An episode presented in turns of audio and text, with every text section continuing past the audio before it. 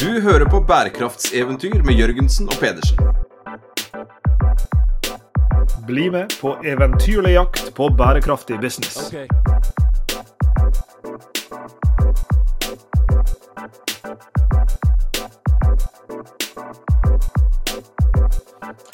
I denne episoden av Bærekraftseventyr Sveinung, så eh, får vi en tidligere gjest tilbake igjen på besøk. Og Det er en eh, gjest vi er glad i, og en gjest vi er glad i å snakke med. Eh, Og dette er selvfølgelig Anders Våge Nilsen, som mange husker fra en tidligere episode hvor vi var innom mange ting, Anders. Bakgrunn, eller av, av prosjektene dine knytta til Resourcer og norsk karbonlagring og Proptech som du jobber med om dagen. Og du har alltid mange jern i ilden. Men grunnen til at vi inviterte deg eh, hit i dag, det var at vi kom over en tekst som du hadde skrevet på, eh, på nett som heter 'Vi er natur'. Og da klarte ikke å dy oss fra å rope ut i skogen, og vi fikk svar. Så velkommen tilbake til den tenkende manns tenkende mann, Anders. Velkommen til oss. Takk for det. Jeg, jeg, må ha hjelp. ikke sant? Jeg har jo lest uh, teksten, og så må jeg jo jeg må ha litt hjelp til å forstå den. Så det er godt du kom. Mm, takk for det. det jeg forstår det. Det er ikke alltid så lett å jeg, det er ikke alltid jeg skjønner meg sjøl heller.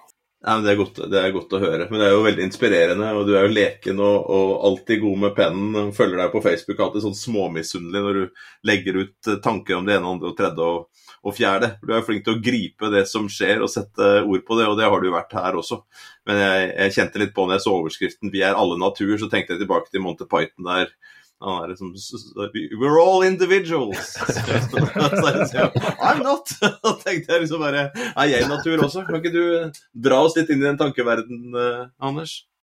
Eh, altså dette, var, det, dette, var, en tekst som jeg var litt usikker på om jeg skulle publisere. Men det var en eh, litt sånn jeg, Av og til når jeg skriver, så er det litt eh, terapiskriving på en måte. At jeg prøver å sortere tanker og følelser og uh, inntrykk gjennom ord. da. Det er jo litt sånn min uh, Eh, min hjerne fungerer. At jeg av og til har behov for å prosessere litt. Eh, så den eh, teksten oppsto vel egentlig i liksom romjulsettertanken, og, og, og, og der jeg gikk gjennom det året som har gått, som har vært for min del Og da var jeg veldig, var jeg veldig personlig, for det har vært en, et litt sånn slitsomt år. Det har skjedd mye i livet, og det har skjedd mye med menneskene rundt meg. Og det har vært mye en følelse av å kanskje ikke helt klare å strekke til eh, og ha litt sånn for mye for mye som jeg tror Den overveldende følelsen jeg tror veldig mange mennesker innimellom kjenner på, som går eh, i samfunnet vårt sånn som vi har organisert det. Eh, og jeg hadde et slags vendepunkt i dette året i sommer når jeg faktisk gjorde noe så rart som å dra på en øy Skjoldvær i, i, Lofoten. Så, uh, for rett og slett bruke en uke på å fordype meg i tibetansk buddhisme og samisk uh, tradisjon.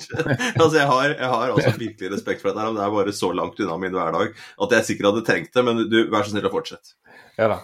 Nei, men jeg, jeg tror altså det, dette det er en lang historie bak at dette skjedde. For det, var, det var så veldig langt unna min, min virkelighet. Men jeg, det var et eller annet det var så, så så annerledes og rart at jeg, jeg syns at det var akkurat det jeg ville gjøre. Eh, og en av grunnene til det var at uh, sånn tantrisk buddhisme, eller den tibetanske buddhismen, har jo liksom 10 000-15 000 år gamle røtter. Så de har tatt vare på tradisjonene og, og, og mye det filosofiske, altså forståelsen av, av, livet, på en måte i, i, gjennom veldig, veldig veldig lang tid. Lenge før buddhismen egentlig ble en ting. Um, og jeg kjente litt på et behov for å få et annet perspektiv på livet enn det der eh, moderne livet. Som jeg, jeg, Jo eldre jeg blir, og jo mer jeg leser om den tiden vi lever i, og forstår av den tiden vi lever, så skjønner jeg at det er en unntakstilstand i menneskehetens historie. Og jeg er født inn i den uh, unntakstilstanden, og jeg svømmer rundt i premissene for den unntakstilstanden. Uh, og, og og det er jo sånn med oss mennesker at vi tar jo veldig mye for gitt. Altså det vi lærer oss og forstår og blir opplært til, eh, det, det tar vi liksom inn og, og, og, regner som en slags naturtilstand. Men, men det er jo den, det samfunnet vi lever i i dag, er ikke en naturtilstand. Det er, det er en, en, unntakstilstand eh, som nå som har enorme negative konsekvenser for, for både eh, planeten og, og, jeg tror også for oss som mennesker. Så det var egentlig liksom triggerpunktet her, på en måte. At jeg beskrev litt av de den liksom erfaringen jeg hadde når jeg for en gangs skyld satt da i timevis og bare pustet og, og, og, og, tok inn eh, liksom landskapet rundt meg på en måte, og fikk en, en, en nærmest kroppslig erfaring av, av å, høre, i, høre i, til på en måte i en, en større sammenheng, og, ble minnet på uh, den, uh, den vet ikke jeg fikk en slags følelse av å, bli, av, av å reetablere et eller annet uh, som jeg hadde nesten glemt i alt mylderet.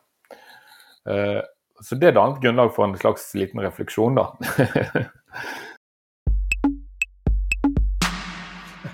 og, og, og, Sveinung uh, ler jo og spiller sjokkert, men, men, det er jo ikke sikkert at dette her er noe nytt for Sveinung, eller for den del for meg. Vi er jo lenge vært eksponert for, for folk som jeg tror du har en viss, kall det Eh, åndelig kobling til. Eh, mine to veiledere på doktorgrad, henholdsvis Knut Ims og Laslo Solnai fra NHH og Korvinus universitetet i Budapest respektivt, skrev jo en bok i kan det ha vært 2006 eller noe sånt, som heter 'Business Within Limits', som har undertittelen 'Deep Ecology and Buddhist Economics'.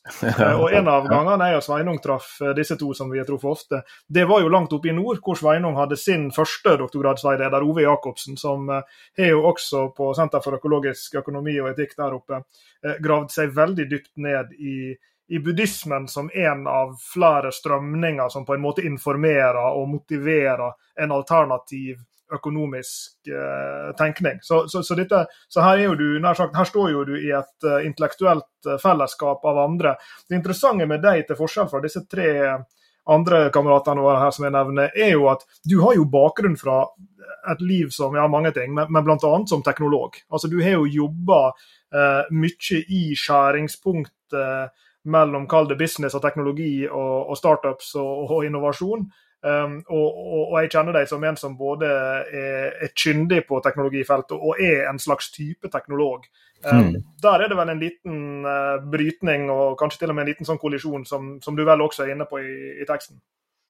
Det er ikke gitt at det er en kollisjon heller, det, men det jeg har liksom erkjent, er jo at jeg har vært ekstremt opptatt av Jeg har sett på en måte systemfeilen og mye av, av, av, eh, de negative konsekvensene av måten vi organiserer det økonomiske systemet på i dag. Og setter seg er veldig mye kostnader i det systemet som aldri blir bokført noe sted. Eh, som blir overført til fremtidens generasjoner. Eh, og så har jeg hatt en litt sånn, kall det en litt sånn eh, mekanisk analyse av dette og betraktet verden utenfor meg sjøl som det som skal fikses, og at jeg er agenten som skal gå utover og komme opp med de andre alternative løsningene på det. Men det som kanskje har vært årets eh, liksom, eh, erkjennelse for meg, er at en god del av det, den systemfeilen og premissene for det systemet sitter også på innsiden i meg sjøl. Eh, og det å, det å kunne tillate seg å gå eh, på en måte inn og kjenne på litt hva er det som, som gjør vondt i, i, i, meg nå, og hva er det som eh, eh Hvor, hvor eh, Altså den, den, følelsen av å, å, å nærmest bli en eh, det, det, er jo litt den der Innimellom i jobblivene våre så blir vi jo helt uh, Vi blir sånn utrolig brainy. Vi mister nesten kontakt med kroppen vår. Vi kjenner eh, knapt på, på en måte det relasjonelle. Kjærligheten mellom mennesker. på en måte. Vi, vi blir veldig instrumentelle i relasjonene våre. Det skjer et eller annet med oss i dette systemet. Og det var det jeg begynte å reflektere over. Den indre virkeligheten som jeg står i, den er også eh, på en måte preget av, av, av, det systemet som jeg er en del av. Og, og hvis jeg skal være en jeg ønsker å være en fri agent. Jeg ønsker å være en aktør som er ute og, og gjør endringer. Og jeg må rett og slett eh, kanskje bli flinkere til av og til å trekke pusten og kunne stille litt eh, spørsmål ved de premissene som, som, jeg hele tiden opererer etter. Så Det jeg kaller for operativ, operativsystemet til modernismen, som jeg på en måte har, uh, har fått uh, implementert gjennom skole og arbeidsliv og sånt, uh, det har jeg begynt å stille litt spørsmål ved. Så det var egentlig det som gjorde at denne teksten ble litt sånn personlig. og litt sånn, Jeg uttrykker jo på en måte, Den er jo litt sårbar og litt Men jeg har på en måte funnet ut at når jeg skrev teksten, så fant jeg ut at det å skrive en sånn type tekst i seg sjøl eh, er eh, et litt frigjørings... Det er litt frigjørende for meg å skrive dette. Eh, og, det, og, det, var litt spennende å slippe den teksten, for jeg ante jo ikke hvordan den kom til å resonnere. Men den har jo virkelig resonnert veldig godt i veldig mange mennesker. Og nå har jeg laget et nyhetsbrev eh, der jeg har fått 200 signups på, på, på et par dager på det nyhetsbrevet. Og det er jo ikke sjamanistiske eh, alternativbevegelsesfolk. Det er jo folk som har direktør i tittelen sin, og som jobber nettopp i startups og i næringslivet på ganske høyt nivå. Eh, Altså Dette klinger på, men det er et eller annet som skjer akkurat nå, der jeg tror vi begynner alle sammen å kjenne litt etter. Det er jo spennende. Lars Jakob dro litt uh, linjer tilbake etter at jeg hadde liksom fått uh, ledd, ledd, fra meg nervøsiteten min i møte med, med litt sånn åndelighet. Uh, vi var jo, som Lars Jakob sa, vi ble jo introdusert for, for mye av dette her for en, en 20 års tid siden. da. Jeg tenker bl.a. På, på, på 'Small is Beautiful', som ble skrevet av altså, Small is Beautiful, A Study of Economics As If People Mattered, som eh, ble skrevet av uh, Schumacher, som tidligere jobbet i Verdensbanken, så vidt jeg husker, og som da skrev, gikk ut derfra og så skrev, skrev den økonomiboka som om folk betyr noe. Uh, og snakket om de, de uh, lokalsamfunnene, nærheten, naturen og sånne ting. Og som Lars Jakob sa, det er jo mange av de som jobber da med økologisk økonomi f.eks., som har vært brukt liksom da buddhisme som én vei inn i noe annet, et annet type verdisystem. Og, og jeg husker jeg husker ikke hvem som, som, skrev det, men jeg leste da i, i den tida der at det var andre som sa vi kunne jo valgt et annet verdisystem. Altså Det er ikke sånn at dette her nødvendigvis er så mye bedre enn de andre, men, men å tufte en økonomi da på noen verdier som går forbi ja, de verdiene vi typisk tenker på som økonomi. Da. Det, det er jo eh, en av de bakgrunnene. Så hadde jeg jo en fantastisk sommer hvor jeg satt og leste 'Sand and the Art of Motorcycle Maintenance'. Så jeg regner med at du har lest også, Anders? Den har jeg lest, ja. ja det er jo fantastisk, den der reisen gjennom USA på motorsykkel der. Eh, og mekanikeren som Lars Jakob var inne på her, altså den mekaniske siden av å skru på en motorsykkel er jo kjempeviktig å ha mekanikken, men hvis de ikke hadde følelsen også av av hvor hardt du skulle skru. Du, du, kan aldri lære hvor hardt du skal skru igjen en skrue, og, og, du kan skru den igjen så hardt at du faktisk ødelegger maskinen også. Så det å på en måte få balanse da, i dette systemet mellom det tekniske eh, og det det emosjonelle eller, eller spirituelle, eh, det å finne den balansen, det er vel, det er vel noe som folk har, har, har forsøkt å gjøre ikke bare de siste 100 årene, som du skriver i teksten her. altså Hvis vi er en, en fange av et eller annet system nå, så jeg innbiller meg kanskje at mennesket over tid litt i ulike kulturer kanskje har levd med dette, men med ulike teknologier tilgjengelig. Ja, det tror jeg. Men jeg synes det, det, det som jeg synes er litt interessant med, med, dette, er jo Jeg leste akkurat en bok eh, som heter 'Thrive', som jeg, som jeg, har blitt veldig inspirert av. Som eh, han Kes Klump, han er en eh, rart navn på, men han som nederlandsk professor. Men, men eh, Eh, der har liksom, jeg eh, henviser til en, fors, en, egentlig en, skogbiolog som har begynt å beskrive skogen som et økonomisk system. Eh, som jeg synes var sånn fascinerende, sånn metaforisk. Sånn, hvordan fungerer egentlig skog? Da, de kaller for overstory, som er liksom den, det, det, det bladkroneverket og de store trærne i skogen. Eh, og så er det understory, som er liksom underskogen og undervegetasjonen, som er veldig preget av veldig stort biologisk mangfold og veldig mye kaos. Og, og sånn, og så har du disse store trærne som er på en måte dominerende.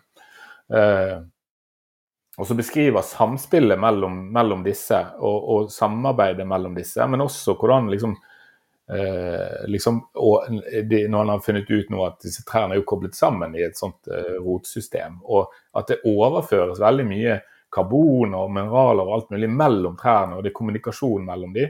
Men når tre trær dør, så overføres disse, det som er fanget eh, opp gjennom fotosyntesen, det blir liksom til, videreført til andre trær i skogen. Og også resiliensen i at hvis noe skjer med skogen, en skogbrann f.eks., så ligger understoryen med eh, hele frøbanken klar for å ta over og for å gjenopprette eh, balansen i systemet. Og, det blir hele blir beskrevet som transaksjoner i, et system som handler om, om eh, ikke om konkurranse, men om en form for samhandling og samarbeid. Og Det er jo en metafor. Eh, men, eh, og det er en metafor om et økonomisk system som ikke baserer seg på ideen om, om liksom eh, eh, topplinjevekst inn i evigheten, som jeg skriver i, i teksten min, men som, som, som, rett og slett optimaliseres for opprettholdelse og mangfold. Eh, som, det er det som er målet med systemet. Eh, som, og, det, og, sånne ting syns jeg er veldig fascinerende å lese om. Ikke, det er jo lett at man blir veldig sånn eh, jeg vet ikke hva man skal si, litt, litt virkelighetsfjern på en måte. og, og sånn, men, men, det er jo også noe med at sånne historier gir jo en, et, en annen, en, et annet Du ser vårt, vårt økonomiske system fra den posisjonen gjør at man ser noen, noen sider ved vårt system som er liksom i, i, uh, på mange måter helt fullstendig irrasjonelt. Og så går vi jo på innsiden av dette systemet, og så har vi vår egen rasjonalitet. Så, så adapterer vi systemets logikk, og så blir vi og vi måler oss sjøl på evnen til å skape verdi innenfor spillereglene til et system som vi på en måte bare har fått utdelt. Uh, og Det er jo det jeg har begynt å stille litt spørsmål ved. da, fordi at En del ting av det som jeg har blitt målt på historisk opp gjennom min arbeidsliv, og sånn, er kanskje ikke uh, strengt tatt uh, det burde vært målt på, eller det jeg har målt meg sjøl på. Man, så der er jo så det er litt der jeg, jeg liksom er nå. Sånn, det betyr ikke at jeg skal bli sånn sitter i lotus-stilling ute på men, men, det betyr bare at jeg har lyst til å stille litt mer grunnleggende spørsmål. Og så er det selvfølgelig også interessant å, i denne sammenheng, når jeg laget et nyhetsbrev, så var det jo litt fordi at jeg lurte på hvem er det som Denne teksten resonnerer åpenbart ikke til alle, men hvis, vi, hvis jeg klarer å få samlet de folka som denne teksten snakker til, og så kan vi fortsette samtalen og så kan vi utvikle noe eh, rundt dette. Så kan det hende at vi får opp litt sånn et nettverk av folk som i politikk og næringsliv og samfunnsliv og organisasjonsliv går rundt og tenker på seg sjøl litt som endringsagenter. Eh, eh, og som sitter og kjenner litt på den samme kanskje litt sånn grunnleggende frustrasjonen, da. Eller fortvilelsen som ganske mange føler på.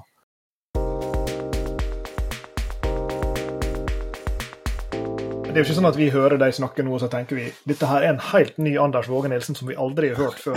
Eh, altså her, her, er noen, her, er jo noe kontinuitet i det som vi snakker om nå, eh, som, som, går tilbake til og med til den forrige episoden vi hadde i Bærekraftseventyrserien sammen med deg. Eh, en ting jeg husker veldig godt at du sa i den samtalen, var at vi trenger en, ikke en uavhengighetserklæring, men vi trenger en avhengighetserklæring. Altså at vi i mye større grad må gå i retning av å tenke på avhengighetene både mellom folk, mellom, for den del mellom nasjoner. Jeg tror vi snakker om energisystemer bl.a. I, i den samtalen, hvis ikke jeg husker feil. Dette var vel under eh, klimafestivalen her nede, en av de spesialepisodene der. Og, og, dette er jo på mange måter en videreføring av den ideen til å si at jo, men vi må også tenke denne avhengigheten mellom som du er inne på nå, menneske og system er jo én ting, sånn, sånn inn i den sosiale bærekraften, da, om du vil, eh, men også mellom menneske og natur. Og, og der eh, eh, klang det jo da veldig kjent for meg og Sveinung når du, når du brukte dette ordet med det, det, mekanistiske verdensbildet. Og Jeg nevnte vår gode venn Ove Jacobsen her i stad. Han eh, har skrevet en, en, en serie med, med artikler om, om, forskjellen på henholdsvis mekaniske og organiske verdensbilder, eller mekanistiske og organiske verdensbilder. Lurer på om det, hvis Sveinung du må rette på meg, om det er inspirert av Alfred Whitehead sin filosofi, kan det mm. stemme? Sånn, omtrent? Og, og, i dette her ligger jo denne ideen som, som, du er inne på, om å tenke på seg sjøl i mye større grad som en organisk del av både de sosiale og, og de økologiske systemene som, som, en opptrer innenfor, men som en altså også er en del av. Den avhengigheten som du er, er opptatt av. Eh, og, og, sånn for å, for å, dra det fra idéplanet her da, og inn i kall det praks, praksisen, om du vil, eh, så er jo du, som jeg var inne på i stad, bl.a. involvert i Resourcer prosjektet.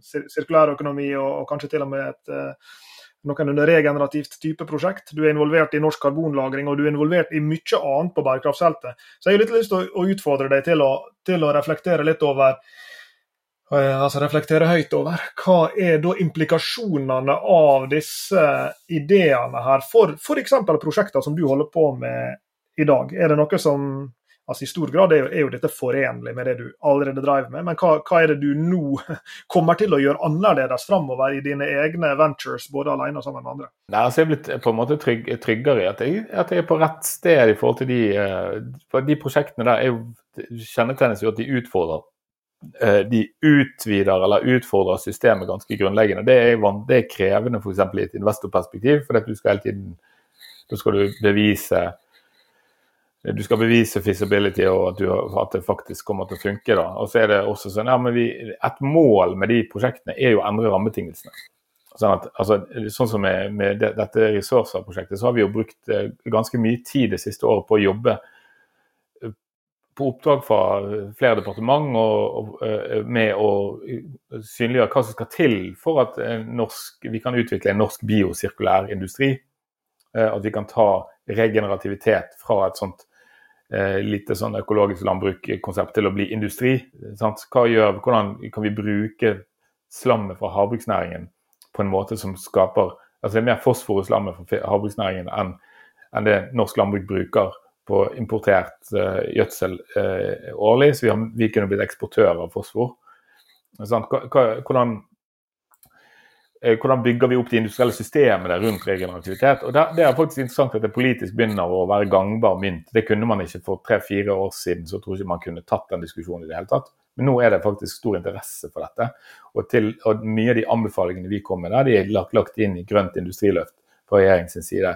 Så nå, nå, begynner det virkelig å, å, skje ting der. Men vi har i, i ressurser så fra bare å jobbe med å bygge en plattform, som vi skal holde på med nå for å dokumentere råstoff Eh, på en bedre måte.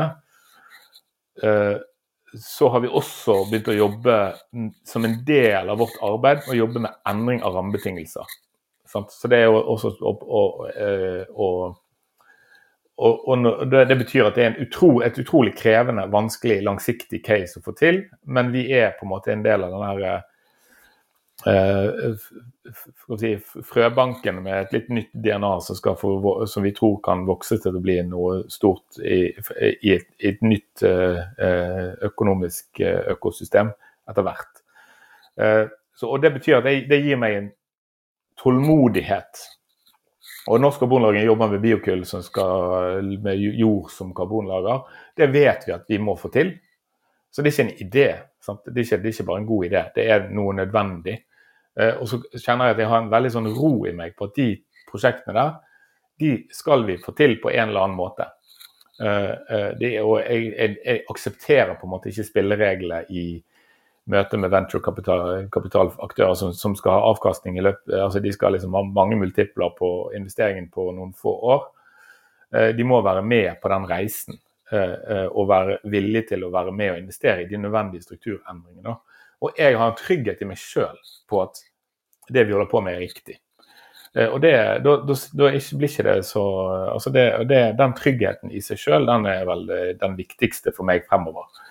Um, at, at, og, det, vi har en, Det er noen maktstrukturer også i kapitalmarkedet som er litt sånn luen i hånden, og noen sitter med mye penger, og noen har en idé som skal bli altså Jeg er veldig trygg på at det vi holder på med, er er nødvendig og, og fint. Og så er det selvfølgelig hvordan jobber vi sammen? Kan vi gjøre noe med hele kulturen rundt eh, arbeid? For der er det jo liksom du skal jobbe hardt og sitte mange mange, mange timer foran skjermen, og du skal kun fokusere. og du skal kun, altså Det er veldig mye der som, som jeg eh, eh reflekterer en del over nå, hvordan vi kan lage inkluderende kultur. Hvordan kan vi lage hverdagsrutiner som, som gjør at folk kan ta vare på menneskeligheten sin på en god måte. Eh, eh, og Det går liksom på, eh, på de små tingene i, i, i hverdagen.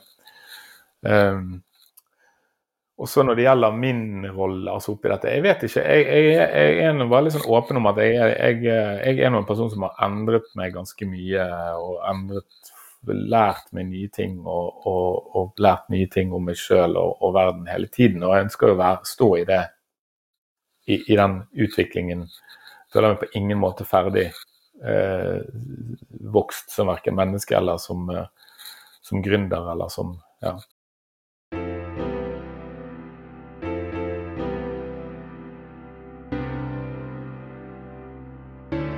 Jeg vil følge opp med, med en liten um, en liten kobling til en uh, For et par episoder siden så fortalte vi om uh, ei dame vi traff i Berlin forleden, som heter Joanna Breidenbach.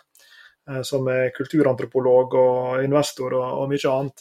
hun har skrevet ei bok som heter um, ja, heter den bare 'Inner Work', men jeg, tror han heter det, men i alle fall så er, logikken til, som, som boka legger fram, er denne ideen om at skal vi få til Eh, en, en, endring i det store. Skal vi få til en, en global transformasjon av, av, samfunnene våre og av energisystemene og hva det måtte være, så krever det altså Den ytre dynamikken der, den er avhengig av den indre dynamikken i, i mennesker som skal drive endringer fram.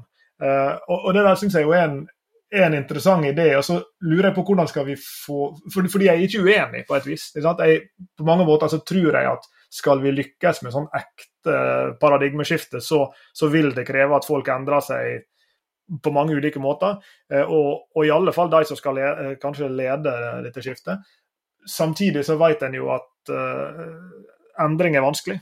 Og det å få til kollektiv endring på innsida av milliarder av mennesker, det, det, er en, ja, det, er en, big ask, for å si det på den måten hva, hva, tror du er altså, Hvordan skal vi forholde oss til den der utfordringa der? At det er noen som setter seg på øy i Nord-Norge og får en uh, epiphany.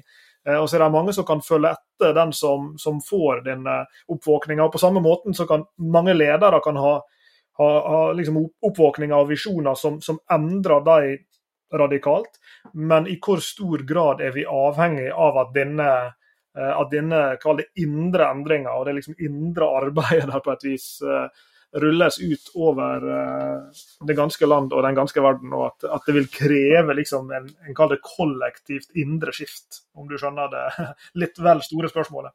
Jo da, nei, men, jeg, men jeg, eh, altså det jeg tror er, For det første så tror jeg ikke at når du sier sånn oppvåkning altså jeg, jeg tror på mange måter at det vi, vi, snakker om her, er på en måte å skru opp volumet på noen sider i seg sjøl. Og, og, og, det som er viktig for meg, er på en måte integriteten min at jeg, har, at jeg står tryggere og, og i mine egne verdier.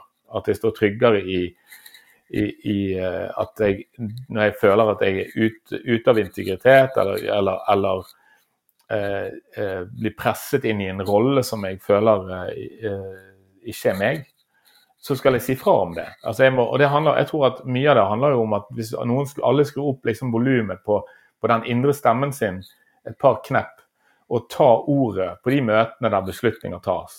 Eh, og klare, hvis, flere gjør det, og særlig de som regner seg som å være endringsagenter, eh, så å, ta, å få motet, det motet som skal til for å, for å ta, stille de vanskelige spørsmålene eller, å, eller si stopp når, når noe liksom går i feil retning, så tror jeg det i sum kan få veldig stor effekt.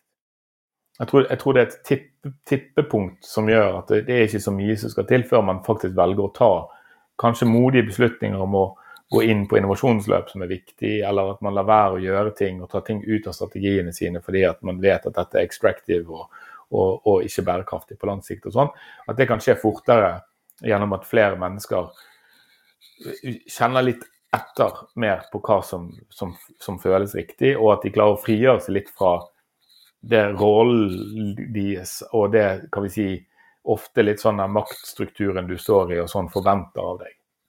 Eh, så det var litt det, det jeg eh, opplever med meg sjøl, at jeg begynner å skru opp volumet der. Altså, det er litt sånn, jeg, begynner på, sånn, jeg snakker litt om at vi må vi må kunne konfrontere en god del strukturer litt head on, men vi må gjøre det med litt lave skuldre. Eh, og da tror jeg på det første tror jeg på den introspeksjonen, at, du, at folk tenker mer gjennom det. Og for det andre så tror jeg på nettverk, på support structures, eller, eller at du, har, du, inngår i en, en, eh, struktur som er større enn deg sjøl, som, som, eh, som, du har litt i ryggen når du tar den type beslutninger. Og da, Når jeg snakker om disse narrativene og, og, og, og strategiene som, som trenger å, å utvikles og distribueres i nettverk, så handler det litt om at jeg tror at det finnes ganske mange sånne folk som sitter og føler på disse tingene, og at jeg tror de må bli flinkere til å organisere seg. Fordi at de strukturene man skal utfordre for å få til det grønne skiftet, er veldig, veldig godt organisert. Uh, og, og, det er en, på en måte å bygge opp en slags motmakt eller en, en, en kraft i, i det. Så, så, må vi rett og slett bli flinkere til å finne hverandre, på en måte. Og Det var kanskje litt når jeg hadde startet, nå har jeg startet et norsk nyhetsbrev, og så oversatte jeg faktisk til engelsk, den teksten, og, og publiserte et engelsk nyhetsbrev i tillegg, fordi jeg tenkte at jeg må utvide mitt eget nettverk globalt eh, og begynne å ta del i en global samtale, for jeg ikke havner bare inn i en sånn eh, provinsiell norsk eh, diskusjon. Det skyldes jo delvis at jeg har snakket med en god del bl.a. gründere, eh, afrikanske gründere som gjør kjempespennende ting på, på uh, sirkulærøkonomi, bl.a. Uh, så der finnes det masse folk å la seg inspirere av og, og, og lære av. Da jeg leste teksten din, så sa jeg innledningsvis at jeg, jeg trengte en oversettelse, og det har du jo absolutt gitt her. Men i tillegg så kjente jeg sånn, et behov for å plukke opp igjen en, en, bok som jeg leste for noen år siden, og det er 'Collapse' med, med Jared Diamond. Og jeg utfordret deg litt innledningsvis. Er det nødvendigvis noe som har skjedd de siste 100 årene, eh, brukte jeg som bilde, eller, eller, er det noe som iboende i, i mennesket på et eller annet vis? Jeg, jeg, opplever noen gang, ikke nødvendigvis med deg, men at vi kanskje romantiserer litt sånn som det var, eller sånn som mennesket var før. Eh, Jared Diamond eh, tar oss med ut til Påskeøya i den boka der, og det er jo ganske lenge siden. De første eh, havna der på en eller annen flåte. Ikke ved et bevisst valg, men at de kanskje reiste fra et annet sted som, som var, hvor, hvor, hvor, ting var brukt opp. Så fant de en, en øy full av, av, trær, og så lagde de kulturer der. Det ble mye mennesker. De, de opp, hadde kyllingoppdrett i, i stort monn, og, og, de begynte å hugge ned disse trærne og bruke dem til å trille rundt disse her, disse her fantastiske skulpturene på, fra den ene eh, delen av øya til den andre, og hugde og holdt på. Eh, til de slutt eh, gikk tom for ressurser, og så, og så, begynte de å spise hverandre, hvis man skal ta han på, på ordet. Og så var det veldig få igjen, og, veldig, og ingen trær igjen. Eh, da, da, da, andre, folk fra andre kulturer kom, kom til øya. Og sånn skisserer han jo også har skjedd i mange kulturer som vi ser bakover i tid og tenkte liksom, å ja, inne i Sør-Amerika ja disse grupperingene der for flere hundre år siden, de levde liksom i pakt med naturen. Så sier han at det var jo overfiske. Man, man, man, man skjøt alt det som var av, av skogsduer, og så måtte man reise videre. ikke sant? Så jeg må tenke liksom sånn at det er litt sånn Noen ganger så syns jeg vi blir sånn harde på å straffe oss sjøl som menneske og systemet for noe som skjer akkurat nå, så tenker jeg at vi Og, og jeg, spør mer enn jeg påstår her, altså om det kan være på en måte noe iboende. At vi ikke bare er natur, da, som du skriver om at det er jo en sterk dimensjon av kultur der også. Eh, og hvordan på en måte få harmonert kulturen og naturen. altså Hvordan, for, hvordan leve i pakt. da, Han trekker jo fram Japan da, som et område som klarte det, for at de hadde en veldig robust eh, natur som tålte Du nevnte trærne i stad, som snakket med hverandre. Han, han sa at ja, der hadde de Eh, heldigvis, ja, De var så heldige på en side at de hadde en såpass eh, robust natur som eh, tålte dem. Samtidig som de også satt press på, på, naturen og måtte tenke omkring det, mens veldig veldig, veldig mange andre kulturer måtte valgte å gå under, fordi at de valgte feil eh, retning. Eh, det munner ikke ut i noe spørsmål, dette her, Anders. Jeg tenker litt rundt det der 100 år og nå, så ser jeg at det er noe veldig spesielt nå. Jeg veit at vi tar over mer og mer. I Påskeøya har blitt mye mye større. Da. Det er ikke bare ei lita øy ute i eh, det havet. Det er på en måte hele, hele jorda som er under press nå. Men, men er vi litt harde på oss sjøl akkurat nå og det systemet vi har skapt, eller er det et eller annet menneskelig i det? Ja, altså, Jeg syns ikke vi skal være så harde på oss sjøl sånn, som individer. Og, og, Det jeg er opptatt av, det, det at jeg til eh, er opptatt av å, å, lære litt om 10 000-15 000 år gamle på en måte betraktningsmåter og, og, og innsikter har jo ikke med at jeg mener at, at alt som fantes før, eh, var, var, liksom eh, så veldig mye bedre at vi skal gå tilbake til jeger- og samfunn. Eh, eh, det, det, tror vi, Den som er helt unikt med vår tid, i mine øyne, er jo at vi for første gang har satellittovervåkning av jordkloden. Vi har sensorer i havet. Vi har eh, mulighet for å faktisk overvåke disse naturprosessene. For vi skjønner både de små mikro biologiske prosessene, og vi skjønner makroprosessene jord, i jordkloden vår. Og vi har kunnskapen nettopp om disse systemene. Så vi er de første og så har vi fått en industriell kapasitet til å ut, gjøre det som mennesker alltid har gjort, nemlig å kare til seg så mye ressurser som de bare klarer. Og så har det rett og slett fått en sånn kapasitet at vi begynner å utarme jordsmonnet, og vi begynner å fylle atmosfæren med CO2. Eh, som er helt utrolig spesielt. Eh, eh, og da har vi hatt denne lille overlappen som vi har akkurat nå. der Vi har, vi er jo den generasjonen som vet at dette skjer, samtidig som vi fortsetter å gjøre det. Og det er, jo, det er jo noe, når jeg ble født, så var ikke dette på dagsorden på en måte i noe særlig grad. Litt, kanskje, men, men, så har det vokst seg til å mer og mer til å bli en vanvittig krevende erkjennelse for et enormt stort samfunn med ekstremt mange mennesker som skal håndtere dette i, som et kollektiv. Det, og det å si at dette er en helt unik utfordring for oss, eh, som krever eh, Den krever jo ikke at vi, en regresjon tilbake til noe vi har hatt. Den krever at vi utvikler noe som er nytt, som er, som, der vi baserer naturforvaltningen vår på aktivt satte grenser for hvor, hvor, mye vi kan ta ut. At vi faktisk, når vi snakker om regenerativitet, at vi faktisk aktivt tilbakefører noe av det som har gått tapt, til, for å skape grunnlag for biologisk mangfold, f.eks. Eh, at vi designer planeten vår på en måte som gjør at ikke bare menneskelivet, men også andre typer liv får gode rammebetingelser, og at vi på en måte prøver å bøte på mye av den skaden som har skjedd. Og Det er en helt ny utfordring. Jeg tror veldig få samfunn, altså Det er mange samfunn som har gått til grunne pga. Uh, på en måte økologisk kollaps eller klimaendring, men, men uh, vi er i den posisjonen at vi faktisk med kombinasjoner av uh, si, uh, humanistiske eh, prinsipper, moralske prinsipper og teknologisk innsikt og en, en innebygget rettferdighetssans og en, en, evne til å forutsi hendelser og økende prosess, pros, uh, altså Nå har vi til og med AI og prosessorkapasitet som hjelper oss å regne på disse tingene. Uh, så, så nå, kan vi, nå, nå, kan vi, nå må vi designe dette systemet. Og, og, og, den samtalen rundt disse alternative altså, altså ta det inn over oss, da. Det er en vanvittig interessant og stor eh, utfordring som jeg har kalt for et generasjonsprivilegium. Og jeg sier at vi må slå opp med de gamle modellene, eh, og vi må, eh, må eh, gå på, på, jakt etter neste eh, et, et, nytt måte, paradigme som det går an å tro på.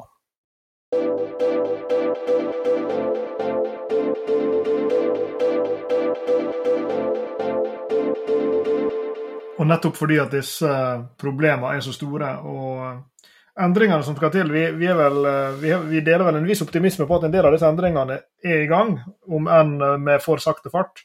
Eh, men disse fortellingene må fortelles på nytt. Vi må forstå sammenhengene bedre, og kanskje med nye briller. Og Derfor så verdsetter vi Anders, veldig den jobben du gjør i skriftlig form, i samtaleform, som, som her.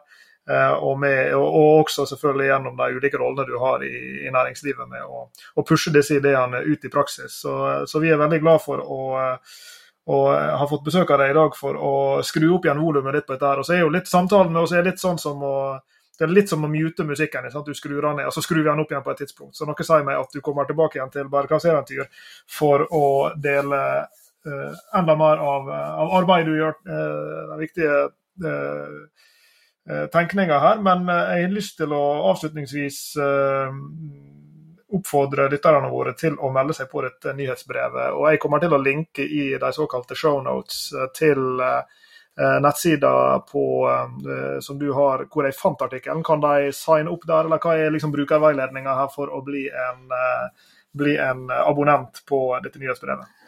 Nei, jeg har norsk, eh, et norsk nyhetsbrev på, på, Substack, og så har jeg laget et uh, engelsk på noe som heter Beehive, uh, som du kan få begge disse lenkene i, i, uh, i teksten under. Da henviser vi lytterne våre til å gå dit for å gjøre det. Og så sier vi tusen takk, Anders, for at du var med oss på bærekraftseventyret i dag. Takk for at du var med. Du har hørt på Bærekraftseventyr med Jørgensen og Pedersen. Send e-post til eventyr.krøllalfa.jorgensenpedersen.no for å stille spørsmål eller komme med forslag til tema for fremtidige episoder. Og besøk jorgensenpedersen.no for mer informasjon om denne podkastserien. Okay. Derfra kan du også fortsette samtalen med oss i sosiale medier på Twitter, Facebook, LinkedIn, YouTube og andre steder.